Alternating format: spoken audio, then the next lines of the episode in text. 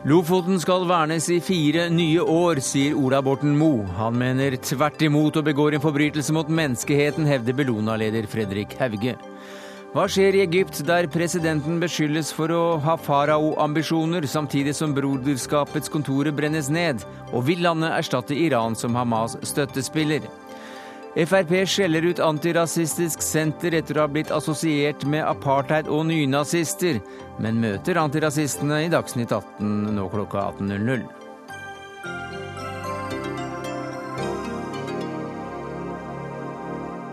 Ja, Det er noen av sakene i Dagsnytt 18 denne fredagen, der vi også skal innom samarbeidet, sammenbruddet i EUs budsjettforhandlinger, og se Stoltenberg sette tenna i Kristin Halvorsen og Ysen Sage Valla i to med motorsag. Men vi begynner med denne presentasjonen av, fra olje- og energiministeren, som altså var resultatet av kunnskapsinnhentingen om følgene av oljevirksomheten i det sårbare området utenfor Lofoten og Vesterålen. Oljedirektoratet tror det kan eh, gjøres 20 eh, nye oljefunn i det mest kontroversielle området på norsk sokkel, Lofoten og Vesterålen og Senja, og nå starter også en ny kamp om åpning. Og mens vi venter på at oljeministeren kommer seg ut av flyet Bodø, eh, fra Bodø til Værnes, så går vi til deg, Fredrik Hauge. Du er faglig leder i Miljøstiftelsen Bellona. Du har sett hva som har kommet fram i Svolvær i dag. Hva er din reaksjon på det som blir lagt fram? Ja, dette er én av fem utredninger. Dette er kanskje den som nevner miljø og fiskeri eh, mest sjeldent.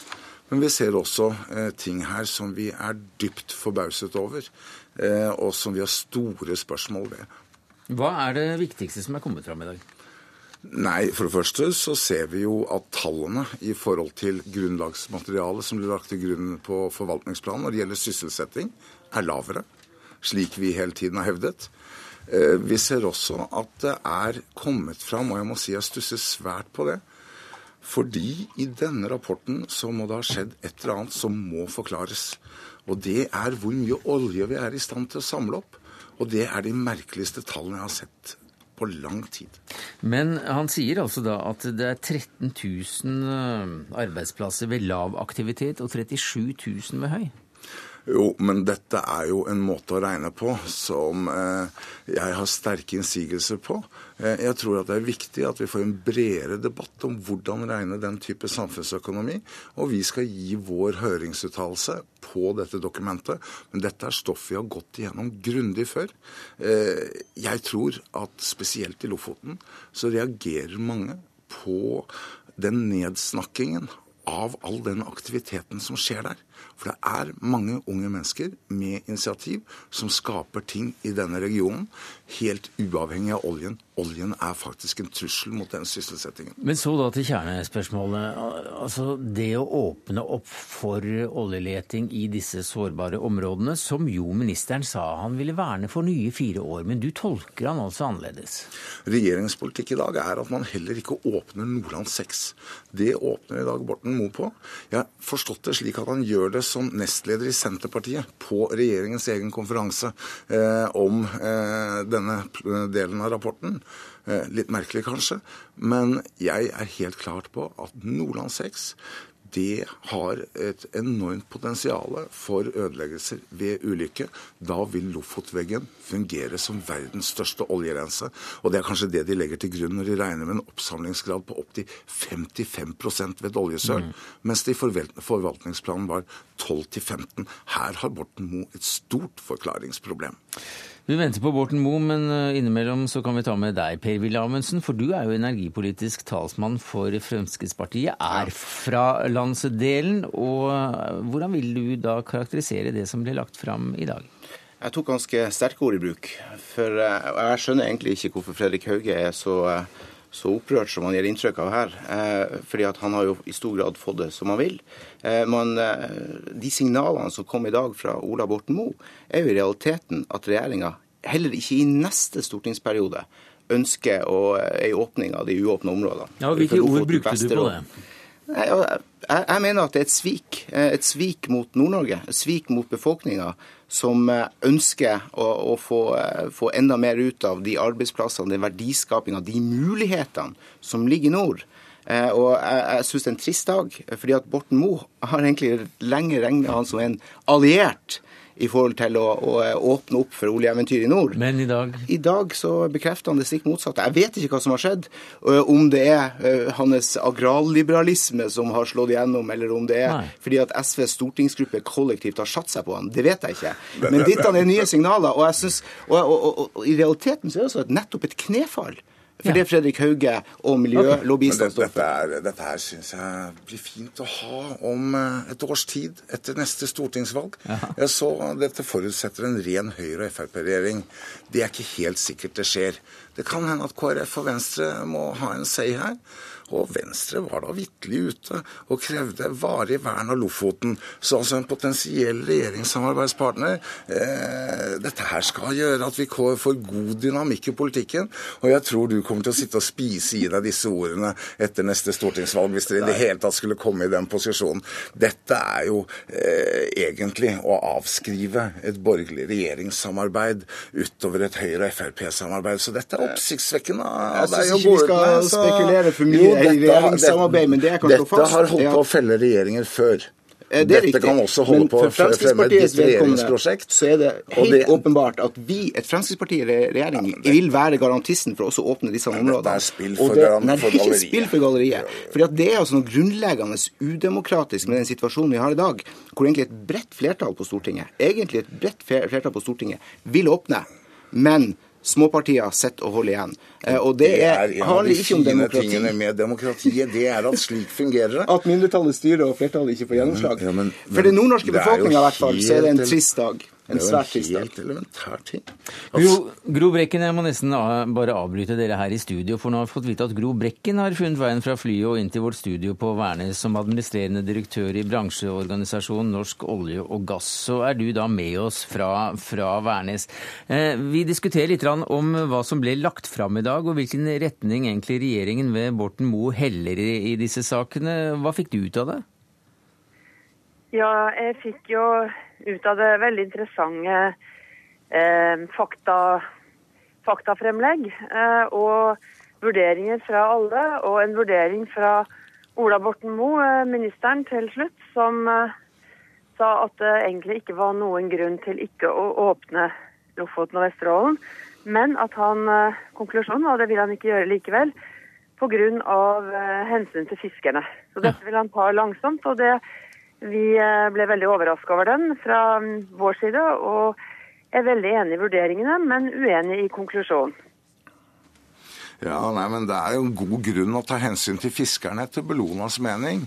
Og det er også slik at en del av det faktagrunnlaget som er lagt fram her i dag, må det stilles betydelige spørsmålstegn ved. Annet, som jeg har nevnt tidligere, dette med hva for tall som er lagt til grunn på, opp, på oppsamlingsgrad ved oljesør. Og vi kan ikke drive og lure folk og nedskalere miljøkonsekvenser på den måten som Olje- og energidepartementet har gjort her. Fredrik, Fredrik Hauge, nå må du høre her.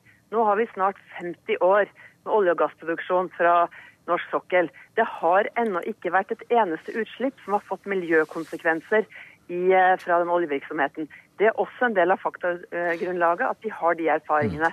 Så Det kan ikke bare gå og fikle med disse tallene. Du må ta inn over deg at sånn, har, sånn er virkeligheten. Og det viser jo at de barrierene som vi har for å hindre at noe skjer, det er det aller viktigste. Det aller viktigste det er at ikke flyet faller ned. for å være helt ærlig. Men, men det er jo ikke akkurat en reduksjon i nesten-ulykker med storulykkepotensial i din industri. Og du må gjerne, som kan så mye, forklare meg hvordan oppsamlingsgraden av olje har økt fra 12 til 15% til over 50% fra forvaltningsplanen til dette dokumentet. Men den lar vi, den lar vi litt ligge her, for eh, vi hører også at Gro Brekken tolker Borten eh, Moe dit hen at han i hele utredningen, eh, hele utredningen taler for utbygging, mm. mens han selv eh, sier nei i fire nye år. Eivind Holst, som ordfører i Vågan kommune og som representant for Høyre her, så har du stått i sentrum du for begivenhetene de siste dagene med disse høringene. Eh, hvilket inntrykk fikk du av konklusjonen? Ja, Det var en uventa konklusjon. Vi hadde en god presentasjon i hele dag. og hadde langt på vei forventa en annen konklusjon enn den eh, olje- og energiministeren tok helt til sist. Eh, nå er det jo sånn at Lofoten står jo stort sett samla om å be om en konsekvensutredning, da fem av seks kommuner har fatta vedtak om nettopp det. Og jeg håper jo også at eh, vi som bor her, og som skal forhåpentligvis bo her i generasjoner fremover, kan bli hørt i denne saken. og, at vi, og at vi ikke blir verna helt i hjel. Så du forstår også slik at, at, at, ministeren sa nei til, til utvinning de neste fire årene, eller leting?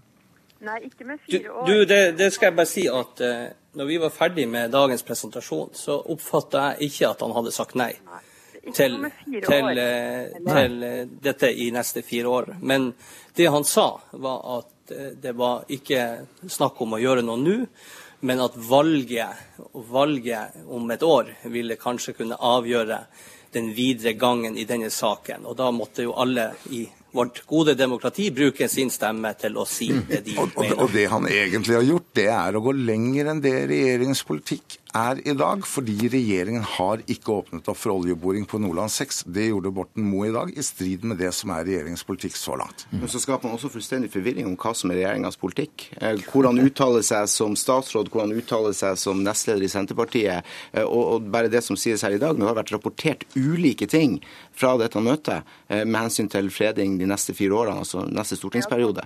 Og, det, og dermed så, så, så, er det en uklarhet her som Borten Moe sjøl må klarere opp i. Men jeg må jo si men jeg tror ikke han har interesse av det. det. jo, dette... Det var to stykker som var på dette møtet, og jeg er helt enig med ordføreren i Vågan på den konklusjonen, bortsett fra dette med fire år. Det ble, det ble nevnt av NRK, men det har ikke Ola Borten Moe nevnt. Men hvorfor var du skuffet, over, hvorfor var du skuffet over konklusjonen da, Brikken? Jo, fordi at han, til tross for at han eh, han sier at det ikke er noen miljømessige eller sikkerhetsmessige grunner for ikke å åpne mm. området. Så sier han at han vil hensyn til fiskerne, og at de er imot, ja. så vil han ikke gjøre det. Ja, men, men kan, kan, jeg få komme Og da må jeg bare si at jeg forstår jo altså Det er ingen tvil om at norsk fiskerinæring har utvikla seg eh, mye de siste årene og leverer større verdier, og det er utfordringer der. Mm. Men vi mener jo at det da burde, at det burde være en konsekvensutredning som man fikk, fikk sett på om det er mulig å få til en fortsatt og god sameksistens. Men først og fremst er jo dette et uttrykk for, for regjeringas uh, vingling i dette spørsmålet. Det er en sånn enorm sprengkraft internt i regjeringa mellom SV, Senterpartiet og Arbeiderpartiet at uh, man, man får ikke noe god avklaring. Og Det eneste jeg sier da, det er hvis man ønsker at også Nord-Norge skal ta fullverdig del av eh, de mulighetene som ligger i petroleumsnæringa, ja, så er det en mm. borgerlig regjering med Frp du, jeg, jeg må nesten bare få avbryte deg, for vi har fått eh, selveste ministeren på, på tråden, eller i hvilken forbindelse du er med oss. Du er litt sent eh, ute, men vi er veldig glad for at du var med for å oppklare hva du egentlig har sagt. Det er litt forvirrende hvilken konklusjon du kom til, så du får nesten fortelle selv. Ja, nå fikk jeg ikke helt med meg oppsparket på spørsmålet ditt. Nei, du fikk ikke med deg oppsparket pga. at vi er 13 minutter på overtid uh, ifølge avtalen. Men det som jeg sa nå til deg, det var også uh, Hva var det du sa? Vi vil gjerne ha en opprydning av hva konklusjonen din ble. Altså, Min anbefaling uh, er som følgende. og det at vi ikke, altså Jeg anbefaler at vi ikke åpner nye områder for olje- og gassvirksomhet de neste fire årene. Min begrunnelse for det er at det er stor eh, motstand og skepsis i den andre viktige næringa, nemlig fiskerinæringa i nord. Den mener jeg vi har tid og mulighet til å eh, vente på og samarbeide med. Så mener jeg at vi skal bevege oss forsiktig fremover i de områdene som allerede er åpna for olje- og gassvirksomhet, inkludert åpna del av Nordland 6. For den er allerede åpnet? Den ble åpna først på, på 90-tallet, og det er to aktive lisenser der. Så det betyr at det er ikke noen ny politikk, det er bare en, eh, en, eh, et, et, en, en større åpning for at det kan skje nå? Det er en videreføring av det som eh, er tradisjonell norsk olje- og gasspolitikk, nemlig å gå skrittvis og stegvis fram. Etter hvert som det er både behov, at man har kunnskap og at eh, man mestrer situasjonen. Så mm. Det er videreføring av gammel og god linje i norsk olje- og gasspolitikk. Gammel og god linje i norsk gasspolitikk. altså Vi får vite her at Ola Borten Moe ikke er interessert i å gå i debatt med, med Bellona i, i, denne saken her. og Når han da også er Tolv minutter senere enn avtalt så må vi bare si takk til deg, Borten Moe. Men øh, hva sier Bellona nå, da, etter denne redegjøringen? Ja, men Nordland 6 var åpnet før forvaltningsplanen kom. Grunnen til at all denne aktiviteten ble stoppet, var at den prosessen ikke var tilfredsstillende. Den har liten legalitet, og det har kommet fram mye ny informasjon. Dette er et av de mest sårbare områdene. Det er regjeringens politikk i dag å ikke åpne dette, sånn at Borten Moe går lenger enn regjeringen gjør i dag. Det var det vi rakk i dag, takket være Fredrik Hauge, faglig leder i Bellona, Per-Willy Amundsen, energipolitisk talsmann for Fremskrittspartiet, Gro Brekken, administrerende direktør i bransjeorganisasjonen Norsk olje og gass, og fra Svolvær, Eivind Holst, ordfører i Vågan kommune. Takk skal dere ha.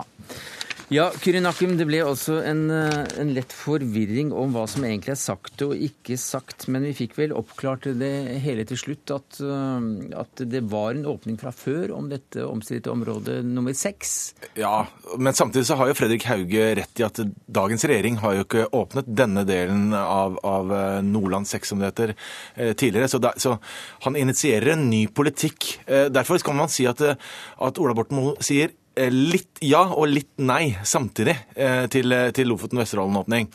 Eh, men det viktigste er å ta signalene hans. Han sier at han er ikke i tvil om at det kommer til å bli åpna. Bare spørsmål om tidspunktet for åpning. Mm. Og Det tror jeg er flere grunner til det. Det ene er vel at han internt i sitt eget parti Det er mye strid rundt dette, og jeg vil tippe at flertallet heller mot en åpning av Lofoten-Vesterålen. Han søker dermed et kompromiss internt i sitt eget parti. Eh, og det andre er jo at eh, oljenæringa er ikke så desperat etter å få disse områdene åpnet nå, som det var før de store funnene det mm. siste året. Men så da til, til, det som eh, Hauge her dro fram, nemlig noe av det politiske spillet og, og sitt, setsen her når det gjelder hvem som kan sitte med makten og kunne avgjøre disse spørsmålene, f.eks. etter neste valg. Ja, det er jo helt riktig at det er mindretallet som har styrt politikken på dette området. SV hadde suksess i, eller har hatt suksess i denne regjeringen med å stanse utbyggingen, til tross for at Arbeiderpartiet ønsker dette. Mm. Og På Stortinget er det et stort flertall for å konsekvensutrede. Ja, Så regner man med at etter neste valg så vil det faktisk øke dette flertallet, fordi både Høyre, Frp og Arbeiderpartiet synes å gjøre relativt bra valg, mens de andre partiene eh, ligger eh, langt nede. Men så er det slik i politikken at, at mindretallet har makt når de bestemmer seg for at der går grensen. Og da må man bruke de kraftigste verktøyene man har. Eh, Venstre har tidligere sagt at de er absolutt imot uh, en utbygging, og jeg har sagt at de vil ha et varig vern. Men når jeg har hørt på de til radioen i dag tidlig, så, de, så hadde de dempet seg litt. Så, så, men vi må vel regne med at de setter hardt mot hardt. Og det betyr at de da uh, eventuelt vil være villige til å felle en regjering, en borgerlig regjering, dersom de ønsker å, å bygge ut i Lofoten og Vesterålen. Men det tør ikke Trine Skei Grande si på dette tidspunktet. Eh, Kristelig Folkeparti, da? Ja, Kristelig Folkeparti holder fast på, på, på, mer på politikken sin er, og, er ikke så si, diplomatiske. Men i bunn og grunn så har de samme politiske holdning som, som, som Venstre. Uh, og jeg vil tippe at for disse to partiene så er dette spørsmålet så viktig, av så sterk symbolmessig betydning, at de er nødt til å bruke makta si. Uh, og da er det jo avgjørende da, hvilken regjering vi får neste år. For Høyre har jo ikke sagt for om hvem de vil samarbeide med, om de vil samarbeide mot sentrum, eller om de vil samarbeide mot Fremskrittspartiet. Men nettopp i dette spørsmålet så er jo det avgjørende hvilken vei de samarbeider. Går de mot eh, Fremskrittspartiet, så kan de få flertall sammen med Arbeiderpartiet. Går de mot eh, Venstre og KrF, så må de skrinlegge planene om, om Lofoten og Vesterålen. Hva slags sak kan dette bli i valgkampen? Miljøsaken har ikke vært veldig framme de siste årene, men fordi den er såpass markant, så, så, tror jeg den vil ligge der. Den ble løftet i valgkampen i stortingsvalget sist, men det var litt fordi vi hadde en, en, en båtulykke eh, sommeren før eh, som gjorde at eh, hele dette oljesølscenarioet ble eh, enda viktigere. Jeg tror det, er, det som kan eh, endre det, eh, dette er, er hvordan Nord-Norge presser på, hvordan lokalmiljøet presser på, hvorvidt det nå er en samlet nordnorsk eller nordlandsk delegasjon som sier dette vil vi ha, dette er viktig for, for å, å utvikle regionen videre. Men Kuri Nakkum, siden du sitter her som politisk redaktør i NRK, så, og vi snakker om, eh, om eh, politiske strategier framover mot valget, så skjer det ting i Høyre nå, nå om dagen i, når det gjelder å posisjonere seg? Ja, du hører jo det i Lofoten-Vesterålen-saken, så hører du at Høyre bruker ikke de store ordene. De er ikke bastante på at dette skal vi bare presse gjennom. Eh, og du ser også på politikken nå at Høyre gjennomgår sak etter sak, hvor de, hvor de modererer politikken, hvor de prøver å gjøre den spiselig for for å, eller for å gjøre den styrbar da, når, når man kommer i regjering. Hvis, hvis, man kommer i regjering, Men Høyre høres ut som det er når man kommer i regjering. F.eks. Så, så trekker man seg på, på eh, intercity, altså bygging av jernbanelinjene rundt mm -hmm. Oslo. Det skulle stå ferdig i 2025, sa de i sommer. Nå sier de 2030. For bare noen uker siden så var de helt sikre på at vi skal ha to barnehageopptak, eh, sånn at alle skulle få, komme, få plass eh, det samme året som, som, de trengte barnehage. Eh, det trakk de seg på nå. Og det tyder på at Høyre går tilbake på disse kraftfulle løftene, rett og slett fordi, fordi de nærmest er inne i regjeringskontorene allerede, og de vet at det er mye vanskeligere å holde løftene der. Takk skal du ha, Kyrin Akum, politisk redaktør i NRK.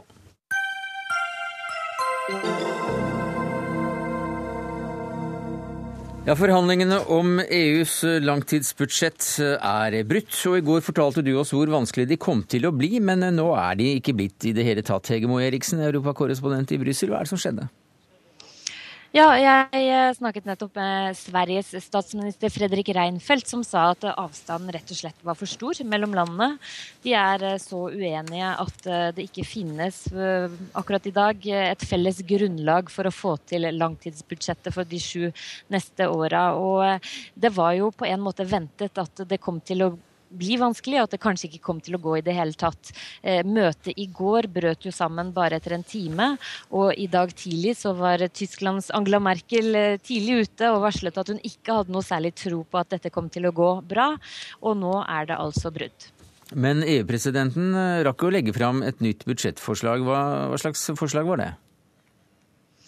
Ja, Han kom med sitt tredje budsjettforslag eh, i løpet av dagen. Eh, og det innebar et eh, budsjett med tak på 972 milliarder euro. Det er snaue 21 milliarder mindre enn dagens budsjett.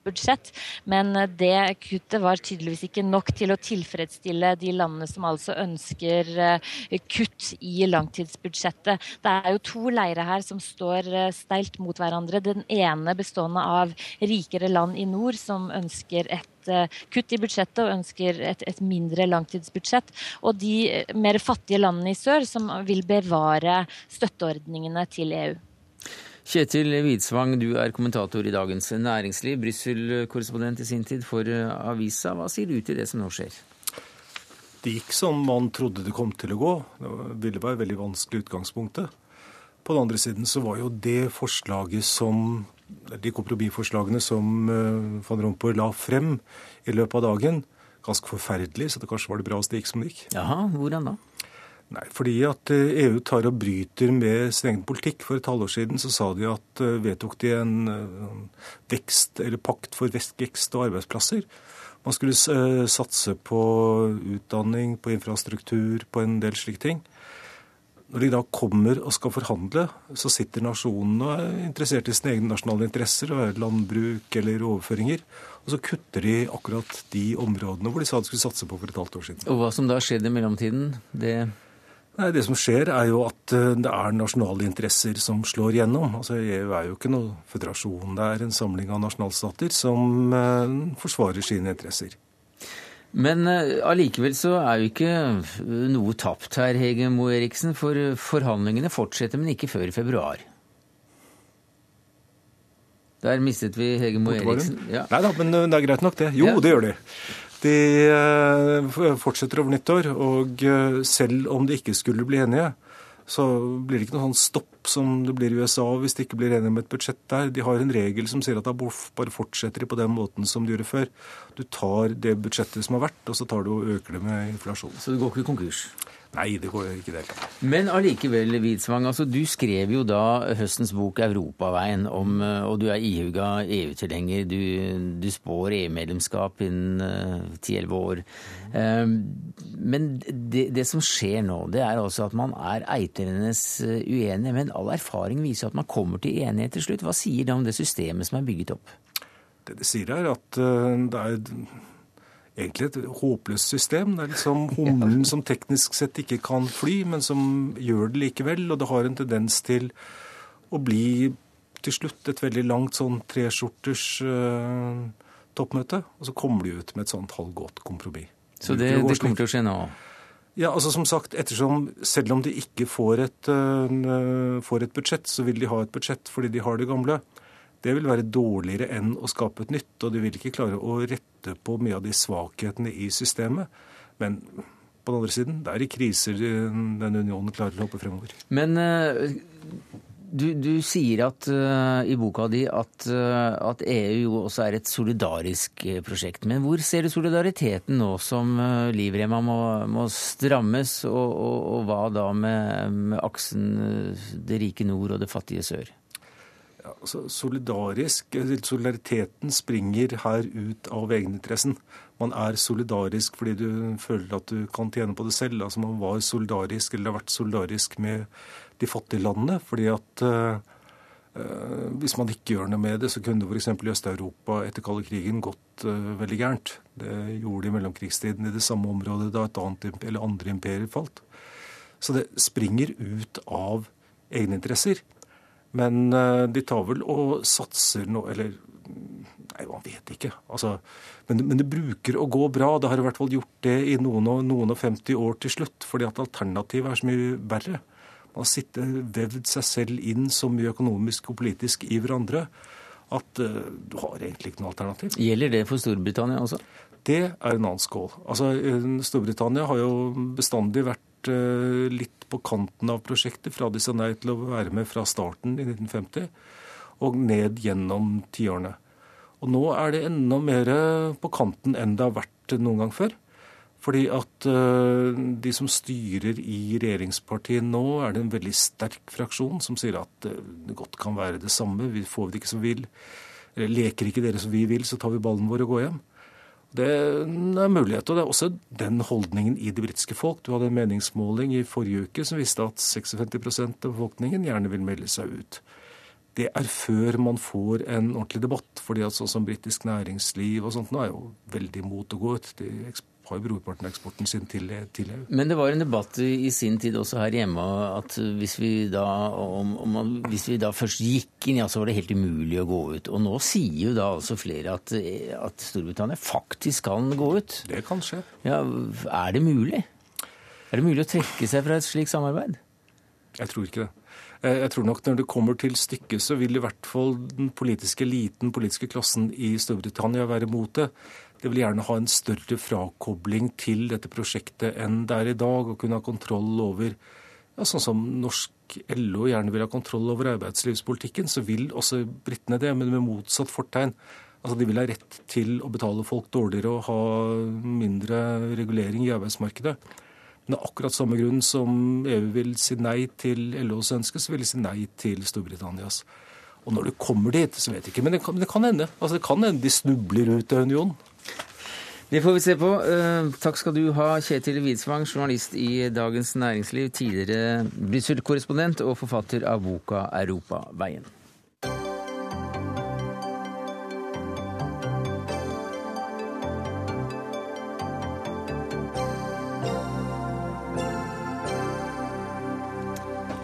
Vi holder oss eh, utenriks denne fredagen, for onsdag ble Hamas og den israelske regjeringen enige om en våpenhvile, selv om eh, de vel strengt tatt verken satt i direkte forhandlinger, undertegnet eh, noen papirer eller trykket hender. Men våpenhvilen, våpenhvilen overholdes visstnok, og nå peker kommentatorene på hvor styrket Hamas har kommet ut av denne runden. Are Hovnak, seniorrådgiver på Landinfo. Eh, du har bodd i Gaza og ellers i området i en, i en årrekke. Hva kan Hamas bruke denne økte velviljen til? Nei, vi har sett eh, scener fra Gaza nå i, eh, i, går og dag der folk feirer denne, det de kaller en seier. Selv om 160 palestinere døde og, og seks israelere, så er dette palestinsk matematikk. Og det er en seier fordi det ikke ble en invasjon. Det framstilles som om eh, palestinerne med Hamas i front klarte å avskrekke eh, Israel ved disse langtrekkende rakettene som nådde Jerusalem og Tel Aviv. Og nå feirer palestinerne, også de som ikke støtter Hamas, de har deltatt i dette her. Og vi har sett fargerike demonstrasjoner med flaggene, både de gule flaggene til Fatah, de grønne til Hamas, de svarte til Islamic Jihad. Her feirer palestinerne sammen det som de ser på som en, en historisk seier over Israel. Så Fatah, altså PLO basert i, i, stor grad, er med på Hamas' feiring av våpenhvile? Fatah har feiret sammen med Hamas i Gaza nå, ja. Og det, det, er svært interessant, fordi ja. de siste årene så har Hamas slått ned på, på åpen Fatah-aktivitet. Mm. Det sitter Fatah-aktivister i fengsler i Gaza. Eh, Fatah har operert som en undergrunnsbevegelse. I mai så, så møtte jeg Fatah-ledere som har vært arrestert og banket opp eh, av Hamas politi. Eh, nå deltar de sammen. Eh, og det som er folkekravet i, blant palestinerne nå, det er at lederne skal samle seg. Aktivister i partiene og også ikke-politiske palestinere de ber nå ledelsen i Hamas og Fatah om å komme sammen og gå videre på de forsoningsavtalene som har vært tidligere, der målet er å danne en palestinsk samlingsregjering og gjennomføre valg og komme videre i den politiske prosessen. Og Hva slags konsekvenser ville det få for eh, hele konflikten i området, Gro Holm, utenriksmedarbeider i NRK? Det vil jo faktisk revitalisere diskusjonen om en tostatsløsning. Mm. For slik som man ser det nå, så er jo den palestinske splittelsen en av grunnene, men bare en av grunnene, til at uh, den uh, løsningen har synes fjernere, og man begynner å snakke om at ja, kanskje er, er, det bare én stat det blir noe av, og kanskje til og med blir det en stat som består av Vestbredden, hvor Gaza nærmest forsvinner ut i tåka om å klare seg, seile sin egen sjø. Så, så det, det, gir jo et visst håp om om at, skal, at palestinerne kan få en tyngde i samtaler om en tostatsløsning som de ikke har hatt eh, på veldig lenge.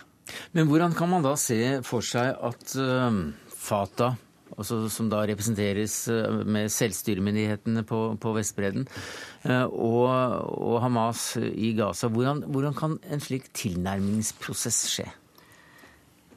Det er svært vanskelig. Nå har Hamas og Fatah gjort flere avtaler eh, i fjor og i år eh, om å danne en samlingsregjering. Og så har de ikke blitt enige om hvem som skulle være statsminister. Så godtak eh, i, i, februar godtok Hamas i Doha at Abbas, president Abbas også skulle være statsminister. Det var det ikke intern enighet om i Hamas, viste det seg, så det brøt sammen den gangen. Spørsmålet er jo nå om eh, palestinerne, Hamas og Fatah, klarer å bruke det momentumet som er i den nye situasjonen, til å få eh, ny energi i den prosessen. Eh, utfordringen for Fatah er jo at eh, nå er de spilt utover sidelinjen. Abbas har vært eh, omtrent irrelevant i den, denne siste konflikten.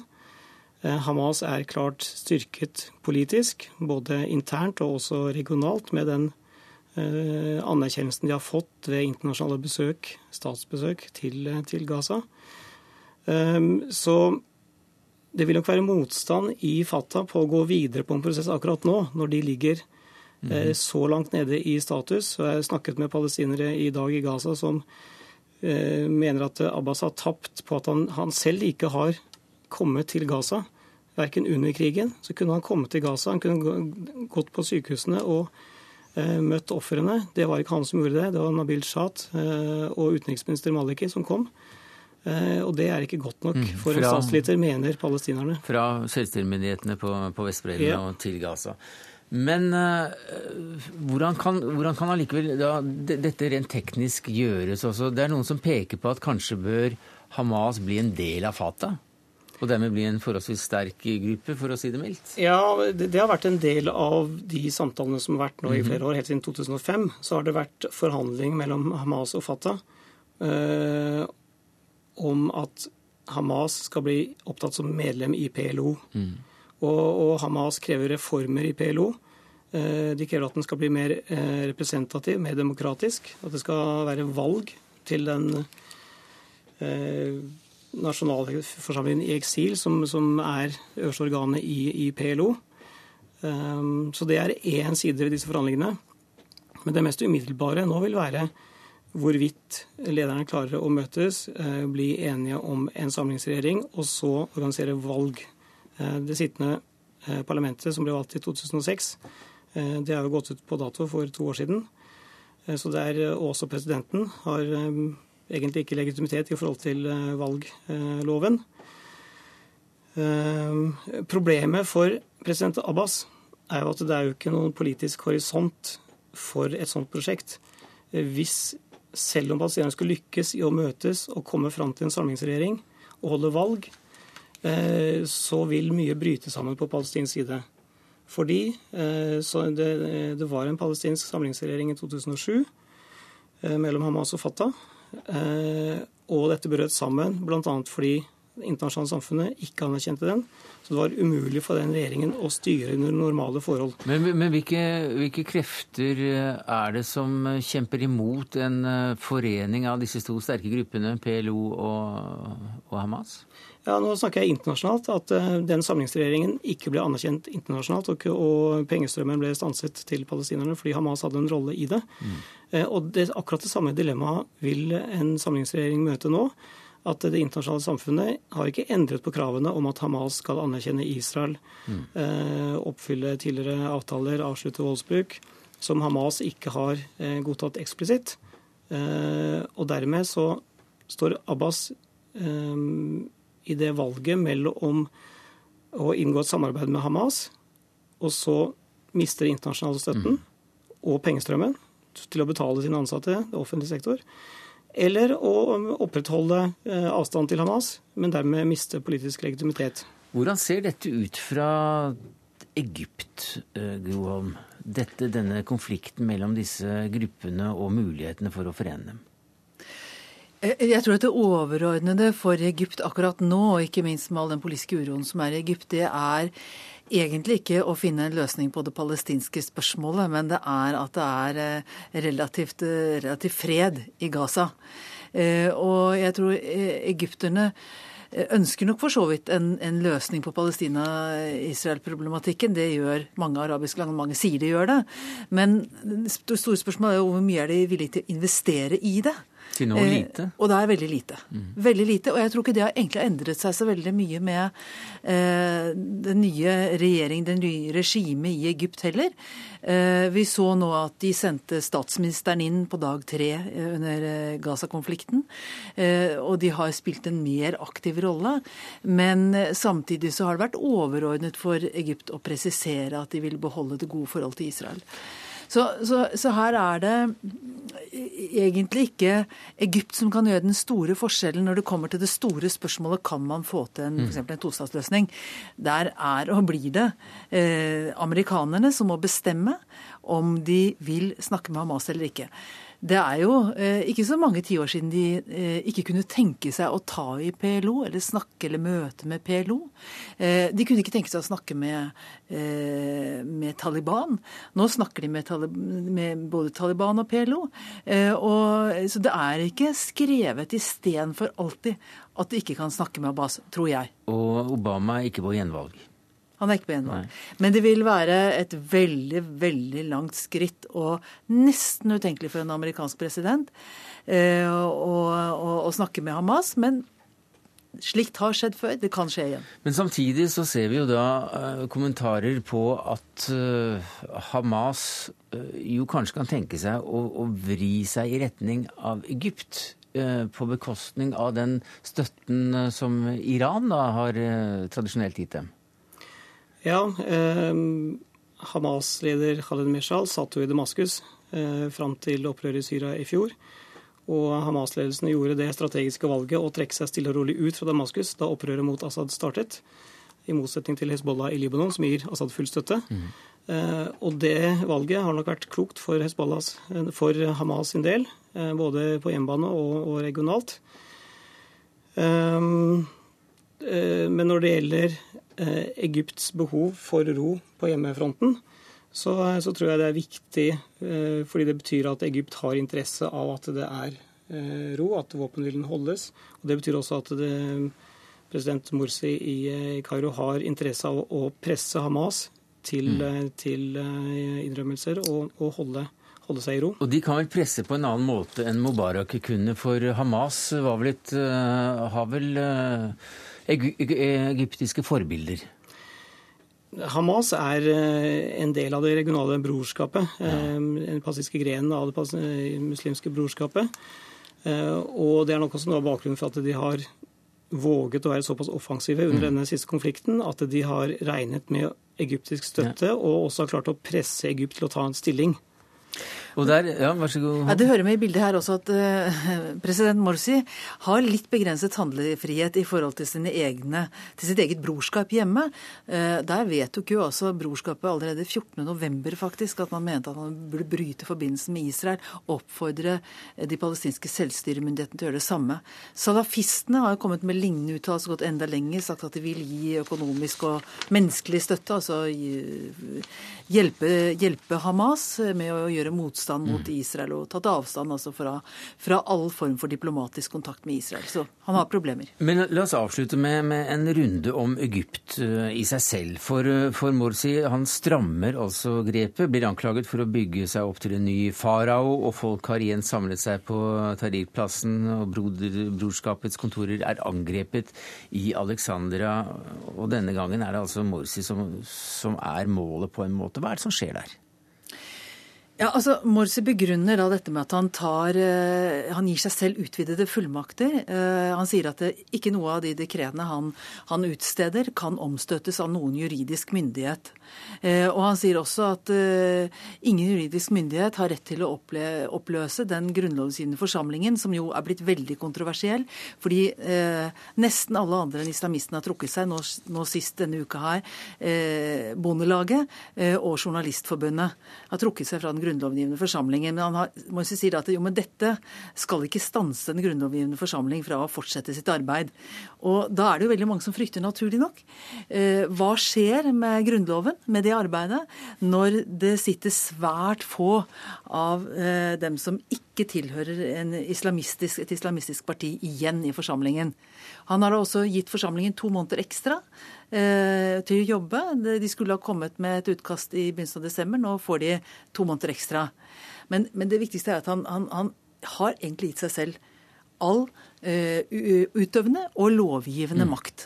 Og sier at det, dere kan, ingen kan omgjøre dette så lenge vi ikke har eh, noe parlament fungerende parlament eh, på plass, og så lenge vi ikke har en grunnlov. Så ille var det i dag at han så seg nødt til å tale til folket der han bedyret at han var deres tjener, og det alene. Ja. Øh, han, øh, han, prøvde jo da å forklare en, en lojal forsamling som sto foran presidentpalasset.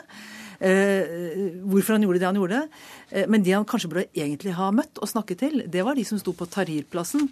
Eh, demonstrantene der som var rasende på at presidenten nå undergraver og forråder den revolusjonen han selv sto i spissen for. Morsi på sin side sier at nei, det er ikke det han gjør. Han beskytter egentlig revolusjonen.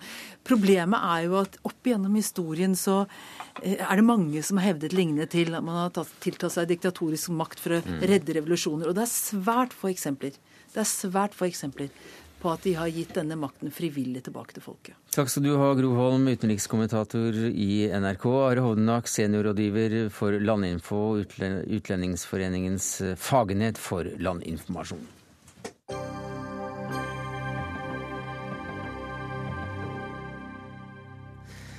Ja, Helt i starten av sendinga så, så, lovet jo vi å vise eh, Stoltenberg sette tenna i Kristin Halvorsen eh, og Yssen sage Valla i to med motorsag. Men det er, dette er ingen rapport fra julebordene vi snakker om. Derimot tegninger, og de er signert deg, Siri Dokken. Velkommen til oss. Takk. Eh, vi kjenner deg jo som da en prisbelønnet tegner i Dagsavisen, og nå har du også kommet ut med denne samlingen som du billigere nok har gitt navnet Avis tegninger. Veldig spennende. Ja.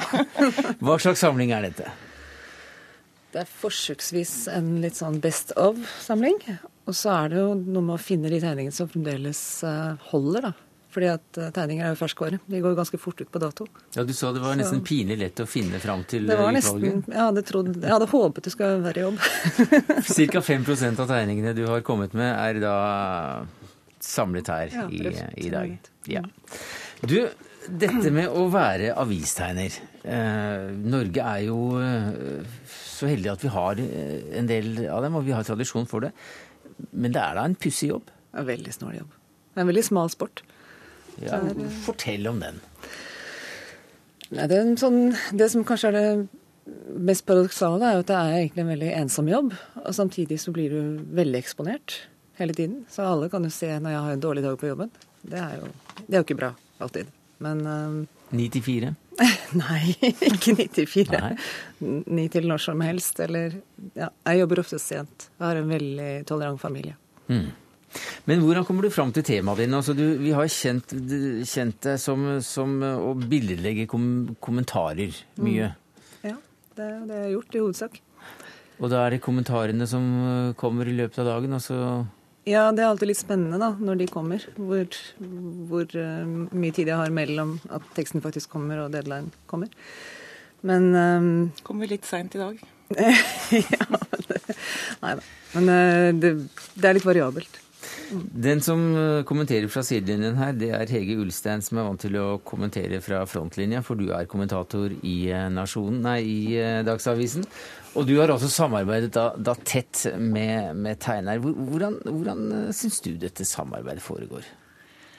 Jeg syns det er fantastisk å, å jobbe med, med, Siri. Det er jo en av, eh, en av frynsegodene ved å skrive i Dagsavisen, er jo mhm. at man kan bli eh, lest i sammenheng med, med hennes tegninger. Eh, jeg, eh, det som jeg syns er uh, illustrerer veldig godt hvor, uh, hvor, fantasifull og smart Siri er, er at, jeg i løpet av alle de årene jeg har skrevet til hennes tegninger, så har jeg aldri noen gang klart å gjette hva hun velger eh, som motiv til dagen etter. Mm -hmm. Uansett. Og jeg har virkelig prøvd å tenke hva ja, Hun kommer sikkert til å gjøre sånn og sånn. og men du blir ikke sur, da? Du, hun har jo ikke For, for du, har vel ikke, du har vel ikke noen instruks om å måtte følge viljen til det som kommentaren ender med? Nei, det skulle tatt seg ut.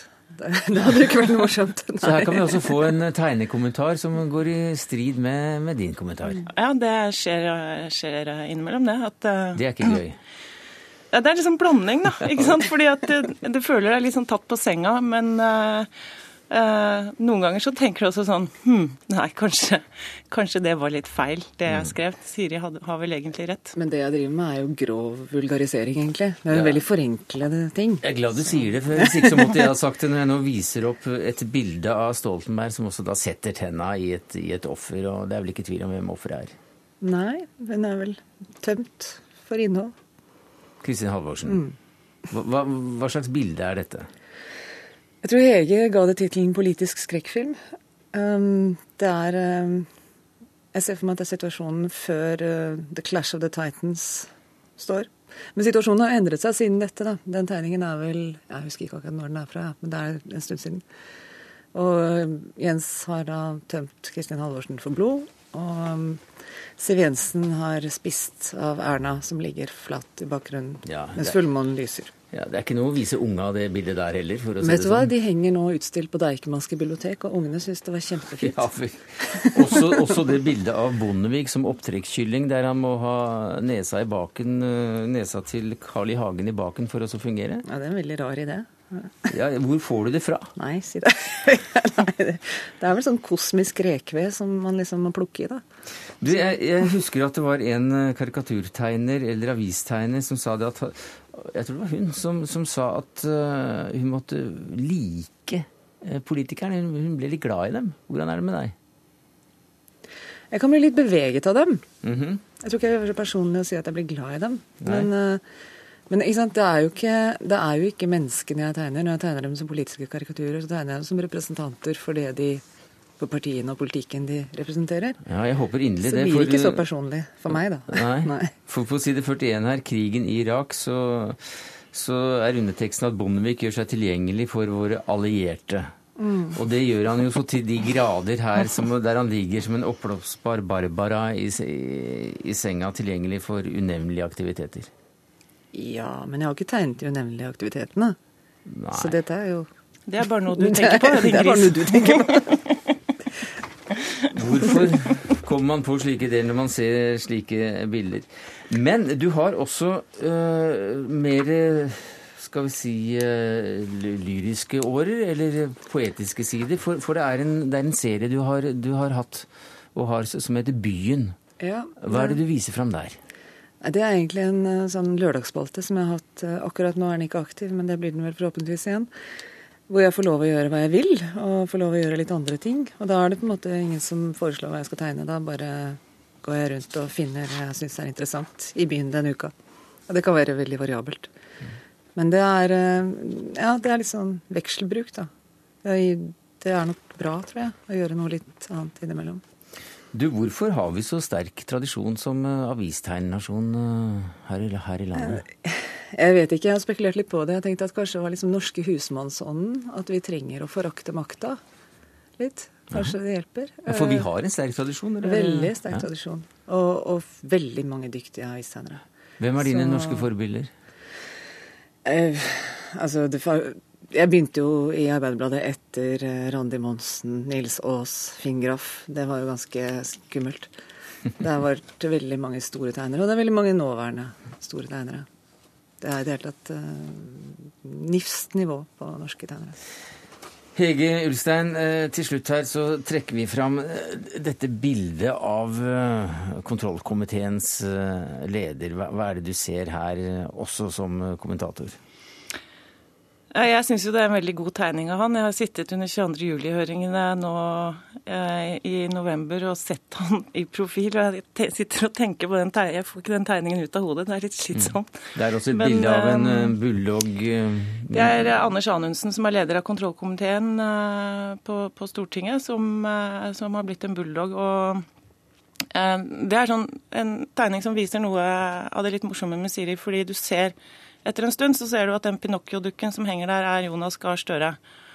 Uh, og etter en stund til så ser du at Jonas Gahr Støre har litt for lang nese. Men ikke, så, men ikke veldig, bare litt.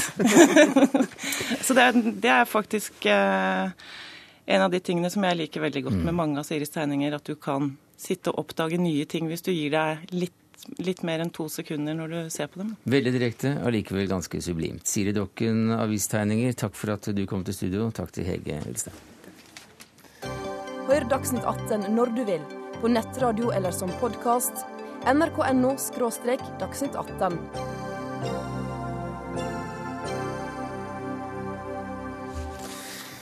Ja, Vi skal holde oss til eh, Frp, for Antirasistisk Senter og Frp er ikke helt enige om, eh, om mangt, det er så.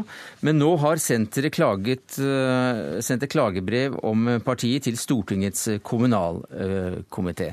Hva er det dere klager på, leder for Antirasistisk Senter, Kari Helene Parpoli? For det første så er det ikke en klage på partiet, det er det ikke. Men det er, vi var på en høring hvor vi skulle legge fram eh, hva vi gjør, vårt arbeid, mm. og, som er ganske mangfoldig. Og vi har veldig kort, kort tid til spørsmål osv. Og, så og hele den spørsmålsrunden ble da tatt over av en fotnote i en rapport som vi har skrevet om ekstremisme, hvor det står at Fremskrittspartiet skal ha mottatt støtte, altså ikke Fremskrittspartiet, men Anders Langes eh, parti skal ha mottatt eh, støtte fra Sør-Afrika-regimet i sin tid. Er altså da en fotnote i noe som er skrevet om Fremskrittspartiet, som er et, eh, mener jeg, det som mm. faktisk da står i rapporten, et ganske balansert innlegg, hvor, man, hvor vi bare også sier med en eneste gang, hvor vi ikke på noen måte sier at Fremskrittspartiet er høyreekstremt, men hvor vi, hvor vi går igjennom mm. noen aspekter. Men hva slags reaksjon fikk dere der og da? Ja, det jo, ble jo en ganske aggressiv eh, stemning. Jeg ble, ble, jo litt sint. Og eh, det ble sagt at det var eh, injurierende, og det ble altså da lite tid til, til de tingene som vi faktisk var der for å snakke om, som var det brede arbeidet som mm. vi gjør. Og man har jo som organisasjon, da, så det vet alle frivillige organisasjoner, så er disse høringene ganske viktige. Og det å få tid til å svare på spørsmål, at ikke mm. det blir tatt over av én ting på den måten, det syns vi var Men problematisk. Men det ble det denne gangen, innvandringspolitisk talsmann i Frp, Morten Ørsal, Ørsal Johansen. For du ble rett og slett ganske forbanna. Hva var det du sa?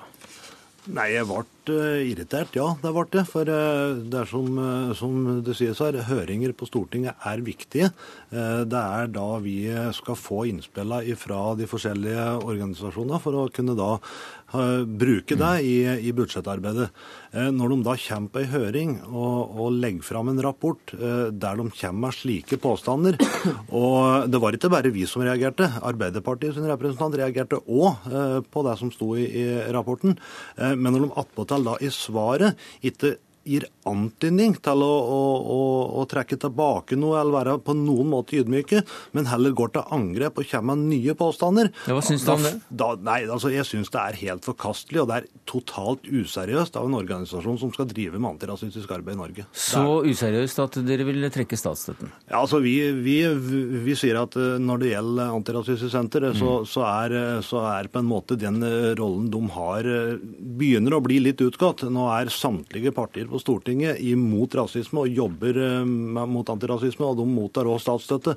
Eh, at vi da skal ha organisasjoner som, som eh, mottar statsstøtte på samme grunnlaget, kan kanskje bli noe bortkastet. Men når de opptrer på den måten, en så useriøs måte, da, da vet jeg ikke helt om de er berettiget til å få en støtte fra, fra, fra Stortinget eller fra regjering. Eh, altså, apropos useriøst, så det jo, ble det jo kommentert på rapporten uten at man hadde lest den, og den har jo vært offentlig eh, lenge, i flere måneder. Er det riktig at dere ikke har lest rapporten? Ikke da hadde dere ikke lest den. Vi hadde lest rapporten.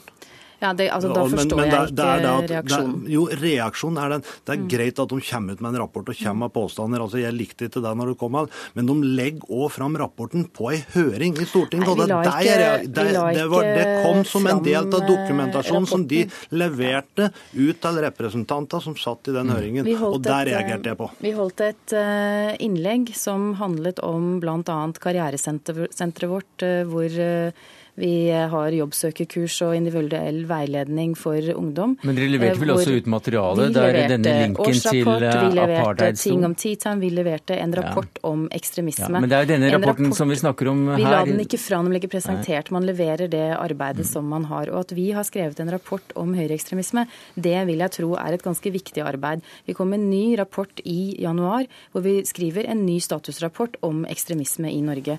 Og den beskrivelsen, Jeg forstår ikke hvorfor man reagerer så sterkt på den beskrivelsen. Vi skriver faktisk en ganske nyansert ting om Fremskrittspartiet. Vi, setter, vi mm. skiller mellom Fremskrittspartiet og andre eh, høyreorienterte partier i Europa. Vi er helt tydelige på at de ikke er mm. høyreekstreme.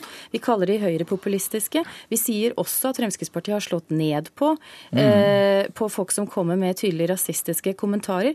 Og vi sier, men, men det er grunnen til at de er med, det er en historisk bit. Og så er det også det at det er en del som har kommet av høyreekstremister som har vært inne innom Fremskrittspartiet, følt at Fremskrittspartiet ikke har gått langt nok, og, og gått videre. Og dette er jo viktig å ha med. Nei, altså, for det første, Jeg er glad for at de nå sier at vi ikke er høyreekstreme, og der det, står det òg i rapporten. så, så ja, det er det greit. Men, men, det er å komme med sånne påstander som det ikke finnes noe dekning for. og Det er altså, det er én ting at jeg blir rasende, men jeg blir veldig skuffet over at en organisasjon som Antirasistisk Senter gjør det. For, for, vi som organisasjon har ikke mulighet til å motbevise sånne påstander. Vi har ikke sjanse til å, å, å, vise utskrifter av bank som ikke eksisterer, eller noe sånt. Så Det er det som gjør det så forferdelig vondt. Og da blir det hengende ved oss hele tida. At, Anders Lange, at Anders Lange, som hadde ja, forløperen til Frp ja, i sin tid, hadde kontakter i Sør-Afrika. Og, og det må jo være en grunn til at Antirasistisk Senter skal ta opp slike ting igjen og igjen. Jeg syns det er vondt, og jeg syns det er skuffende, rett og slett. Vi tar det ikke opp igjen og igjen, men, eh, men altså det står altså da en fotnote at man skal ha mottatt